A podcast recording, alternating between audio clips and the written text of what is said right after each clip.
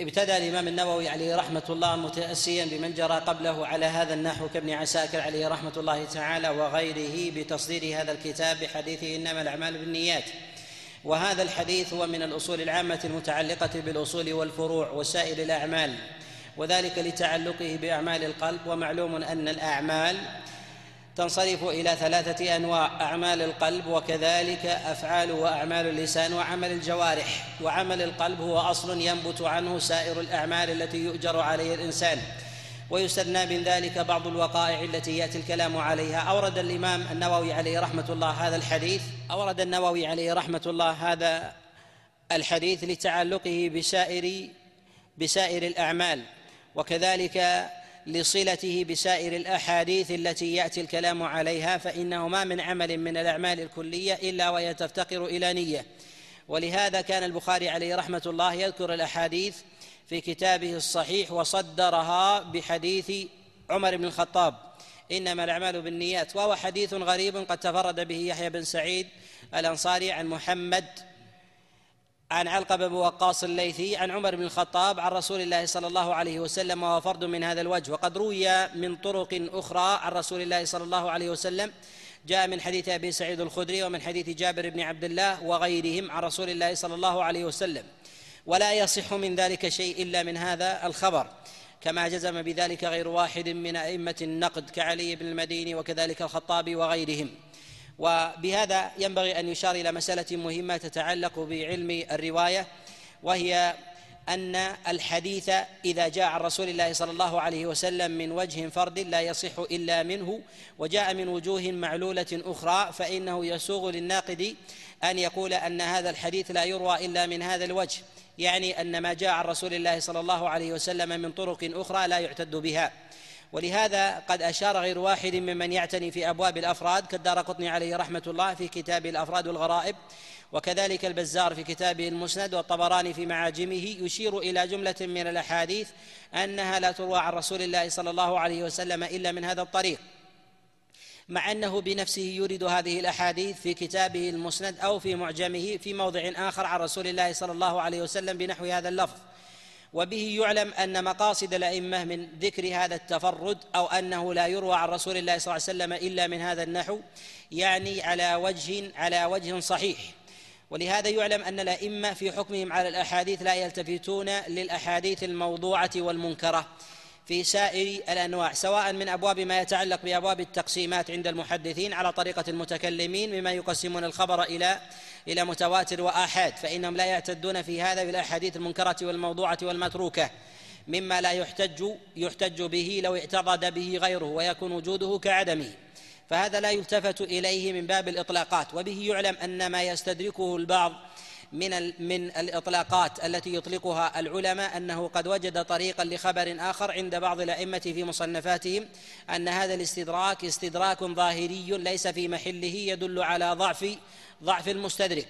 والإمام أحمد عليه رحمة الله يورد جملة من الأحاديث في كتابه المسند ويحكم عليها في بعض مسائله كعلل عبد الله. وكذلك ما جاء في مسائل ابنه صالح وحنبل وغيرهم ممن يروي عن الإمام أحمد جملة من مسائل العلل ويقول أن هذا الحديث ليس له إسناد. فيكون حينئذ قد ذكره في كتابه المسند بنفسه وذكر هذا الخبر فلا وذكر هذا الخبر في موضع وقال ليس له إسناد أو ليس بشيء. فهذا إما أن نصف الإمام أحمد وغيره من الأئمة بأن بأنهم تناقضوا في مثل هذه المواضع. ويجل أن يتكرر منهم ذلك في أحاديث مستفيضة مع إخراجهم للطرق في كثير من المواضع.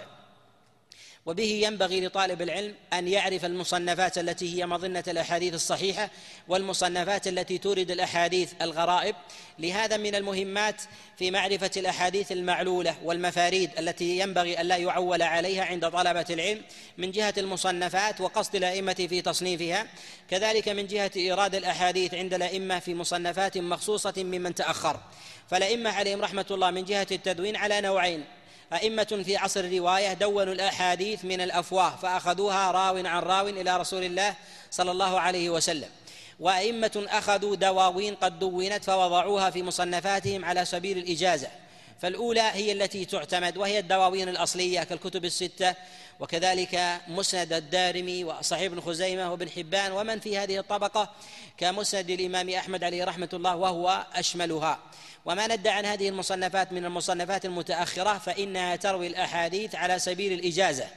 على سبيل الإجازة فتنثرها فلا يتبين للناظر فيها هل هي على سبيل السماع كلها منفردة أو كانت مصنفات قد قد قد نثرها الأئمة في مدوناتهم فمن نظر إلى طريقة البيهقي في كتابه السنن وكذلك الحاكم في كتابه المستدرك وكذلك ابن عساكر والضياء في المختارة والدار قطني في جملة من مصنفاته يجد أنه يريد الأحاديث من جهة الأصل عن طريق أئمة قد صنفوا مدونات مستقلة فوضعوها منثورة لا تتضح للناظر لأول وهلة. لهذا ينبغي للباحث أن يستفيد من ذلك وجهين. الوجه الأول أن يعلم أن أشياخ هؤلاء الأئمة الذين رووا هذه المصنفات لا ينظر في تراجمهم من جهة من جهة الضعف والتوثيق إلا من جهة أصل العدالة. فإن الضعف والتوثيق إنما ينظر إليه في حال ضبط الإنسان في ذهنه. أما من جهة ضبط الكتاب إذا كان الذي نقل عنه أئمة ثقات كبار قد اهتموا بالمروي من ذلك وهو مروي من وجوه متعددة.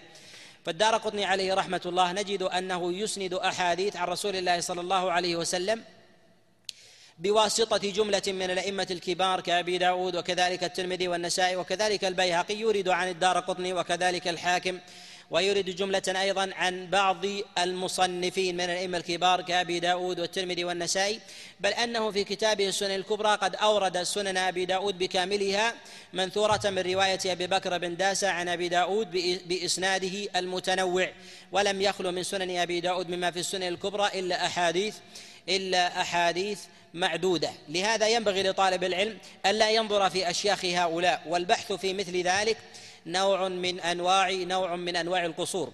كذلك ينبغي لطالب العلم أن يعرف مقاصد الأئمة من التصنيف فإن جلالة الإمام لا تعني أن ينظر إلى ما يريده من أحاديث في كتابه على الصحة لجلالته ولا للضعف لدنوه من ذلك بل ينظر إلى مقصده. فالإمام الدار قطني عليه رحمة الله له مقصد من اراده من إراده وجمعه للأحاديث في كتابه في كتابه السنن فإنه أورد الأحاديث المنكرة ولهذا يقول الذهبي عليه رحمة الله في كتابه ميزان الاعتدال قال سنن الدار قطني هي بيت المنكرات يعني أورد فيها عليه رحمة الله الأحاديث المعلولة عن رسول الله صلى الله عليه وسلم في الأحكام.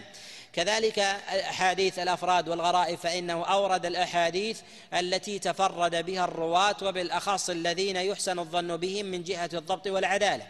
بالمروي عن رسول الله صلى الله عليه وسلم فإنه يوجد لبعض الثقات الكبار من الأحاديث التي يتفردون بها أو تفرد بها أصحابهم عنهم ممن لا يصل إلى مرتبتهم فتعل هذه الأحاديث. ولهذا وجد مصنفات في ذلك كغرائب شعبة وغرائب مالك وغرائب العمري وغيرها من المصنفات في هذا في هذا الباب. وأما اصل التفرد والغرابة فإنه من قرائن التعليل وليس بابا للتعليل يأخذ منه الإنسان ما يشاء. ولهذا ينبغي لطالب العلم إذا أراد أن ينظر لأبواب التعليل أن ينظر لمنافذ متعددة حتى يخلص له التعليل سليما. من هذه المنافذ أن ينظر إلى ذات المعنى الذي الذي تفرد به الراوي. فإن كان مستقرا من جهة العمل ولو تفرد به الرجل الدون من جهة من جهة الضبط والثقة فإنه يقبل. وهذا وهذا فرع عن معرفة ما عليه أهل البلدان من أهل مكة على سبيل التخصيص وكذلك أهل المدينة فكيف اذا اتفق معهم أهل الآفاق من أهل البصرة والكوفة والشام وخراسان وغيرهم فإذا اتفقوا على معنى فإنه يقبل تفرد المتوسط أو دونه بل ربما الضعيف فإنه يقبل في هذا. فما كان مسلما من الأحاديث المروية عن رسول الله صلى الله عليه وسلم من جهة المعنى نقبل فيه تفرد تفرد المتوسط أو الضعيف. وأما ما كان ما كان ينبغي أن يستفيض ولا يوجد للأئمة في ذلك عمل من أهل البلدان من مكة والمدينة وغيرهم فتفرد به الثقة الثبت الضابط فإنه لا يقبل في ذلك كل متفرد. وإنما ينفرد في ذلك من جهة القبول أهل المدينة وأهل مكة على سبيل التخصيص. وربما يرجع في ذلك إلى حال زمنهم من جهة الفتيا. فما يتفرد به أهل المدينة بحديث يخالف ما فيه الفتوى أهل المدينة يعل بالتفرد والإنكار. وما يتفرد به أهل مكة بحديث يخالف ما عليه الفتوى والعمل مما ينبغي أن يستفيض فإنه يعل كذلك بالنكارة.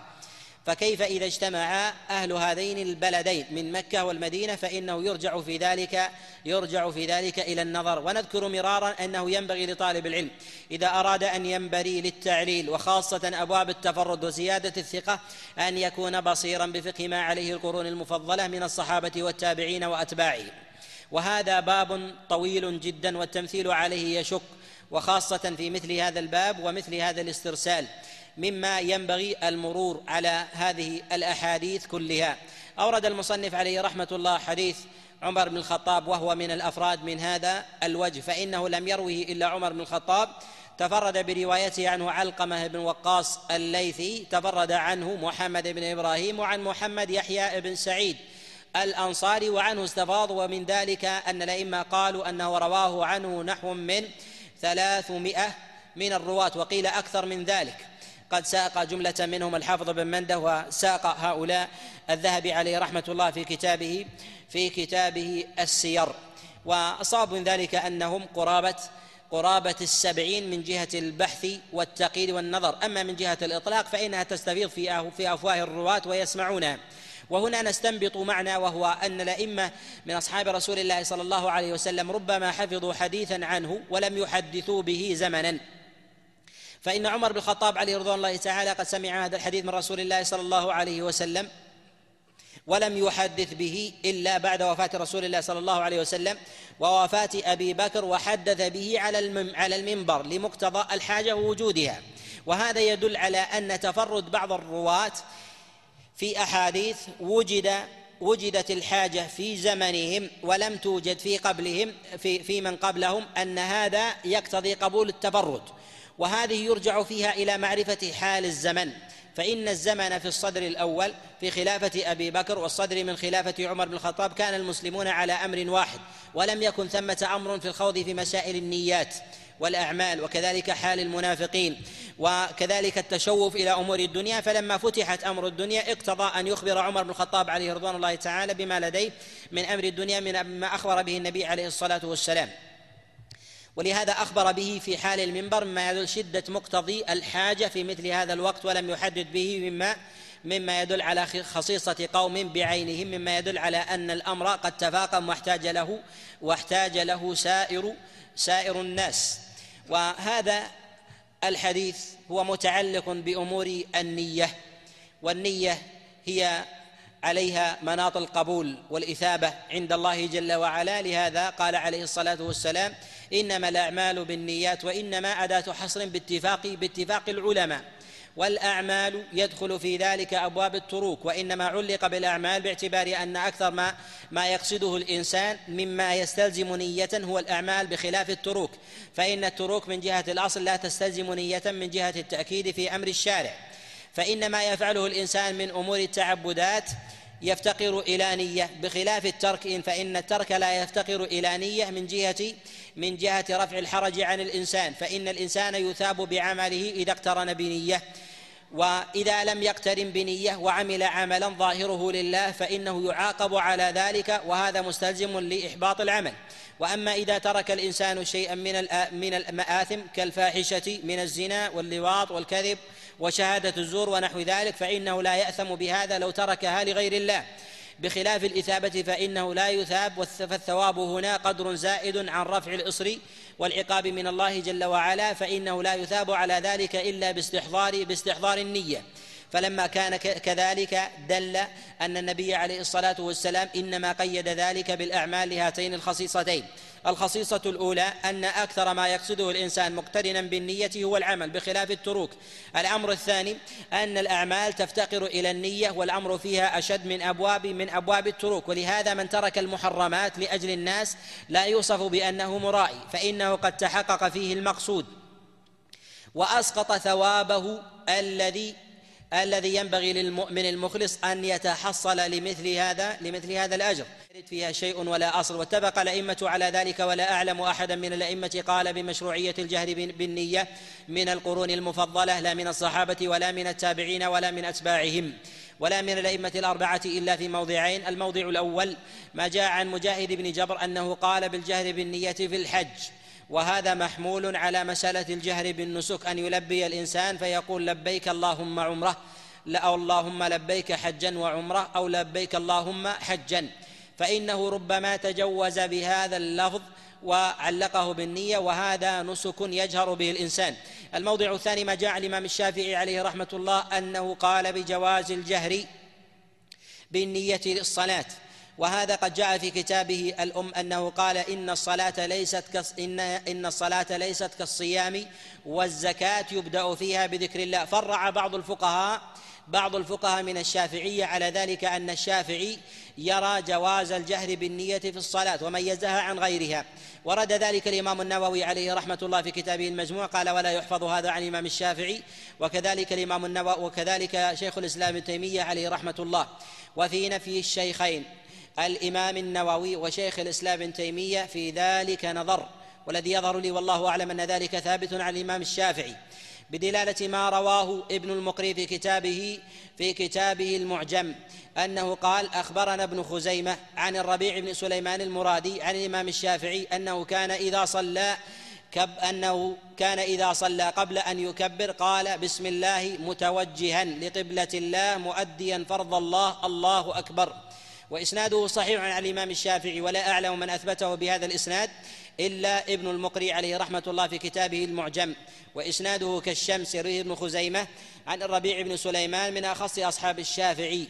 عن الإمام الشافعي عليه رحمة الله ولعل ما ذكره بعض الفقهاء من الإشارة أن الشافعي يريد الجهر بالنية أراد هذا الموضع الذي تفرد برواية ابن خزيمة عن الربيع.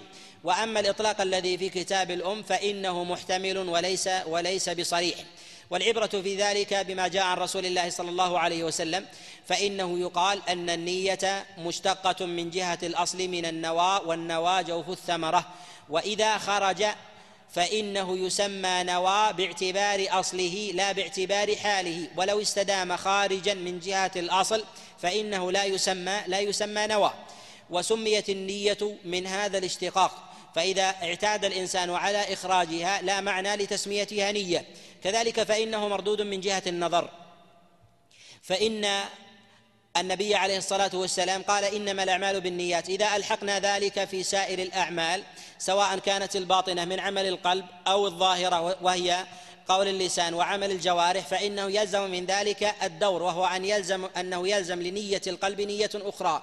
والدور هو أن يبنى الشيء على ما يبنى عليه.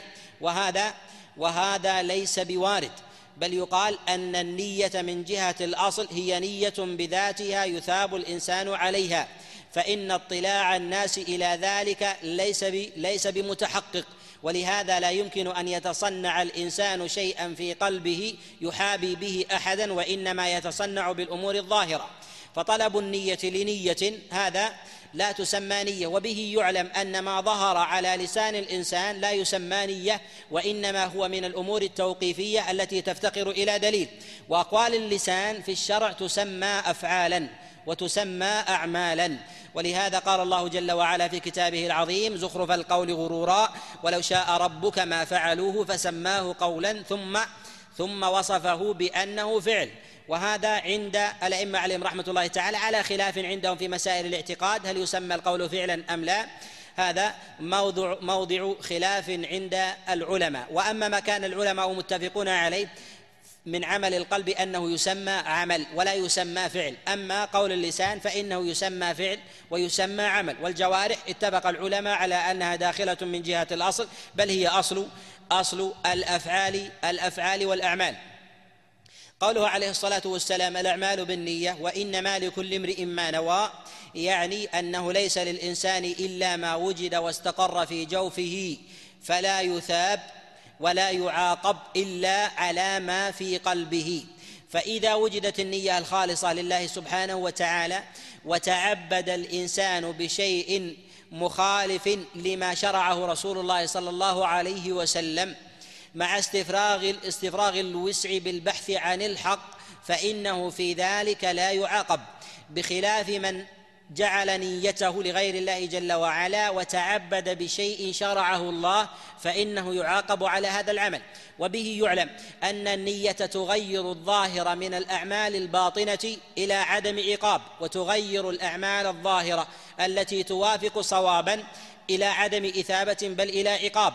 مما يدل على أن النية لها أثر عظيم في المقام بين يدي الله عز وجل وكثير من الناس ممن ممن يظهر منهم العمل والقول الحسن تخالف نياتهم بوا تخالف نياتهم ظواهرهم فيعاقبون على ذلك في الدنيا بعدم القبول أو تعجيل الخير في الدنيا وعند الله جل وعلا يلقون الجزاء الأليم بأنهم من أول من تسعر بهم النار يوم القيامة كما جاء في صحيح الإمام مسلم من حديث سليمان بن يسار عن أبي هريرة أن رسول الله صلى الله عليه وسلم قال أول من يقضى بينهم يوم القيامة ثلاثة رجل قاتل رجل أت رجل عرفه الله عز وجل بنعمته فعرفها قال فما عملت بها؟ فقال يا رب تعلمت العلم وعلمته وعملت به وقرأت القرآن.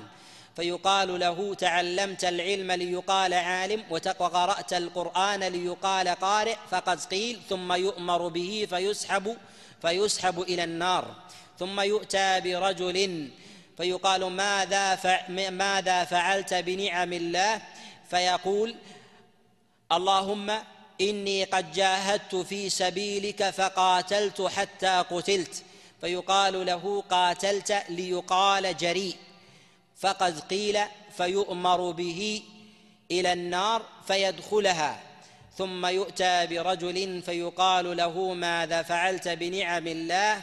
فيقبل من أوتي مالا فيقول يا رب لم أدع بابا من أبواب الخير إلا أنفقت فيه في سبيلك. فيقال له أنفقت ليقال جواد. فقد قيل فيؤمر به في النار فيدخلها. وهذا من نظر فيه في أمر أمر في إخبار رسول الله صلى الله عليه وسلم بأمر هذه الثلاثة. ما يتعلق بالنفس وهي أغلى ما يطمع إلى حفظه أرباب الدنيا أزهقت لغير الله ويليه بعد ذلك حظ المال وهو بعد مرتبة النفس أنفقه لغير الله ثم بعد ذلك ما يظهر معه الديانة والصلاح. من طلب العلم والعمل به يعني عمل بما علمه الإنسان في ظاهر أمره وقرأ القرآن.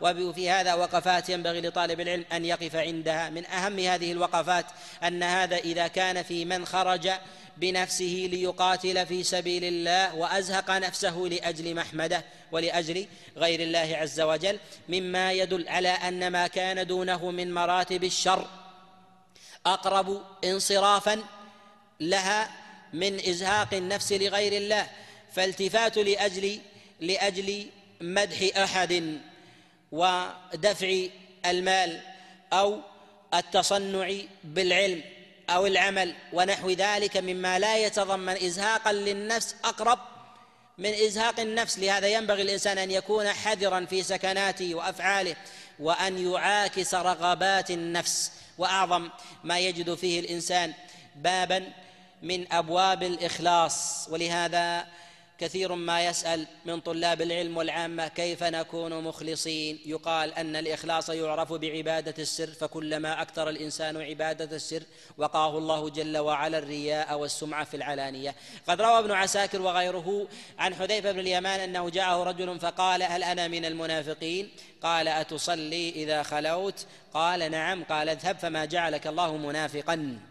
الرجل الذي ليس له عبادة في السر لا من الصلاة لا يعلم بها أحد ولا من الصدقة لا يعلم بها أحد ولو أقرب قريب ولا من ذكر الله ولا يعلم به أحد ولو أقرب وأقرب قريب فإن هذا من أهل النفاق سواء كان قليلا أو كثيرا. والموازنة في هذا كلما كثرت عبادة السر أمن في عبادة العلن. وكلما عدمت عبادة السر فإن الرياء في ذلك يظهر ويستفشي ويفشو في في عمل الإنسان من حيث من حيث لا يشعر. لهذا ينبغي الإنسان أن يحرص على عبادة الخلوات كما يحرص أرباب الفسوق والفجور على خلواتهم. فإذا خلا بنفسه وأغلق الباب استقبل القبلة وكبر أو سبح وهلل فإن الإنسان لا يكاد يخلو من أحد. من زوجة وولد وصاحب في طريق. أو الناس فإن النفوس تتشوف بالتصنع حتى عند الغريب الذي لا يراه الإنسان إلا مرة في حياته. فلما كان كذلك استحقت أن تكسر بشيء من عبادة السر حتى يسلم لها حتى يسلم لها عبادة العلن. وهذا أظهر في وهذا أظهر في العلم. فإن الإنسان إذا وفق إلى الإخلاص في علمه وعمله وفقه الله جل وعلا فيما يأتي فيما يأتي ويذر. وكذلك ينبغي أن يعلم أن دواخل النية عظيمة ربما تنقص العمل وربما تذهبه بالكلية. وربما تذهب بركة عمل الإنسان. ولهذا ينظر في أحوال كثير من الناس في سائر الأعمال سواء من الأعمال الظاهرة من أركان الإسلام الخمسة وغيرها أو سواء من الأعمال الدقيقة تعظيمها يرجع إلى النية. كثير من الناس يظن أن الأفعال تعظم بظاهر العمل وينسى أن الأفعال تعظم بباطن العمل أكثر من ظاهره. فإن الصلاة إذا قلبت النية كانت مغرما عليه وإثما عظيما. وإذا أخلص النية بتسبيحة وتهليله كانت أعظم من الفريضة التي لم يخلصها لله جل وعلا. وبه يعلم أن الإخلاص ولو في شيء قليل أعظم عند الله عز وجل وأحب من الأمور من الأمور العظيمة الظاهرة. وبه نعلم أن تقسيم العلماء للكبائر والصغائر من جهة الظاهر وقد تكون الكبيرة صغيرة للإنسان إذا فعل الكبيرة وقلبه وجل وإذا فعل الكبير وإذا فعل الصغيرة وقلبه منصرف عن تعظيم الله كانت في حقه كبيرة. وربما كفر الله جل وعلا للإنسان الكبيرة من ذنبه بعمل صغير فعله معظما لله خاليا وجلا. ولهذا قد روى البخاري ومسلم من حديث أبي هريرة أن رسول الله صلى الله عليه وسلم قال بينما امرأة بغي والمرأة البغي هي التي اتخذت الزنا حرفة لها. يعني تمارس هذه الفاحشة وتتقوت منها. رأت كلبا يلعق الثرى من العطش فنزع فنزلت في بئر ونزعت موقها فسقت له فغفر الله لها. ليس كل من سقى بهيمة يغفر له ولكن إذا صاحب ذلك وجل في القلب من تلك الجريمة ورجاء أن الله عز وجل يرزقه الخلاص. يكفر الله عز وجل له ولو بالقدر بالقدر اليسير من الأعمال الصالحة. لهذا ينظر إلى كثير من الناس يفعلون من العبادات ليل نهار وليس لهم عند الناس قبول. ومن الناس من عملهم يسير ولهم عند الناس قبول بسبب عمل القلب. أصحاب رسول الله صلى الله عليه وسلم ليسوا بأصحاب كثير صلاة. ولا صيام بالنسبة لمن جاء بعدهم من العباد والزهاد ولكن منزلتهم عند الله عز وجل أعلى من غيرهم لشيء وقر وقر في قلوبهم. من الانصراف لله عز وجل والإعراض والإعراض عن غيره. قال عليه الصلاة والسلام وإنما لكل امرئ ما نوى يعني ليس له إلا إلا ما نواه لا يأتيه شيء من ذلك. يعني من ذلك من عمله بذاته. ولكن هناك شيء من الأعمال يثاب عليه الإنسان ويكفر الله عز وجل له من السيئات ويرفعه درجات ولا يفتقر إلى نية من الطاعات من دعاء الإنسان لأبيه أو لأخيه واستغفاره له. وكذلك الصدقات التي يتصدق بها الناس للموتى فإنهم يثابون على ذلك ولا يفتقر إلى ولا يفتقر في ذلك نية أو استحضار. وهذا محل تسليم فظواهر النصوص تؤيده. قال عليه الصلاة والسلام قال عليه الصلاة والسلام فمن كانت هجرته إلى الله ورسوله فهجرته إلى الله ورسوله. ومن كانت هجرته إلى دنيا يصيبها أو امرأة ينكحها فهجرته إلى ما هاجر إليه. يظهر هنا النبي عليه الصلاة والسلام حينما ذكر الفعل والشرط جعل جوابه مشابها له فمن كانت هجرته إلى الله ورسوله فهجرته إلى الله ورسوله. وهذا دليل على التعظيم فلا أدل من الثواب من تحقق قبول ذات العمل. فكأن الشارع قال أن هذا العمل بمجرد إتيانه على هذا الوصف كاف ببيان منزلة الإنسان. ولهذا كان السلف يقولون أني لو أعلم أن الله عز وجل تقبل مني صلاة واحدة لتمنيت الموت. يعني لتمنيت الموت يعني أني ضمنت بذلك قبولا عند الله عز وجل فيما يأتي من الأعمال. لأن الله عز وجل إذا قبل من الإنسان عمل هذا قرينة لقبول الأعمال الأخرى وجود بذرة الإنسان في قلب في قلبه. وقال عليه الصلاة والسلام ومن كانت هجرته إلى دنيا يصيبها. الهجرة المراد بها هي المفارقة. فإذا هاجر الإنسان هجر الإنسان شيئا يقال أو ترك الإنسان شيئا يقال هجره. ولكن غلب الاصطلاح الشرعي على على أنه إذا ترك الإنسان بلدا من بلدان الشرك إلى بلد من بلدان الإسلام وهذا يترتب عليه جملة من الأحكام فكما أنه يتعلق بذات العمل ولو لم يهاجر الإنسان فإنه يتعلق كذلك في الجسد. من جهة العمل أن الإنسان إذا أقلع عن الذنب فإنه لا يجوز له أن يرجع أن يرجع إليه. ورجوعه إليه إلى الذنب أعظم عند الله عز وجل من حال الإنسان الذي استقر استقر على ذنبه باعتبار أن الذي الذي ترك المنكر ثم رجع إليه قد وقع في قلبه شيء من البصيرة ثم نكص ثم نكص عنها.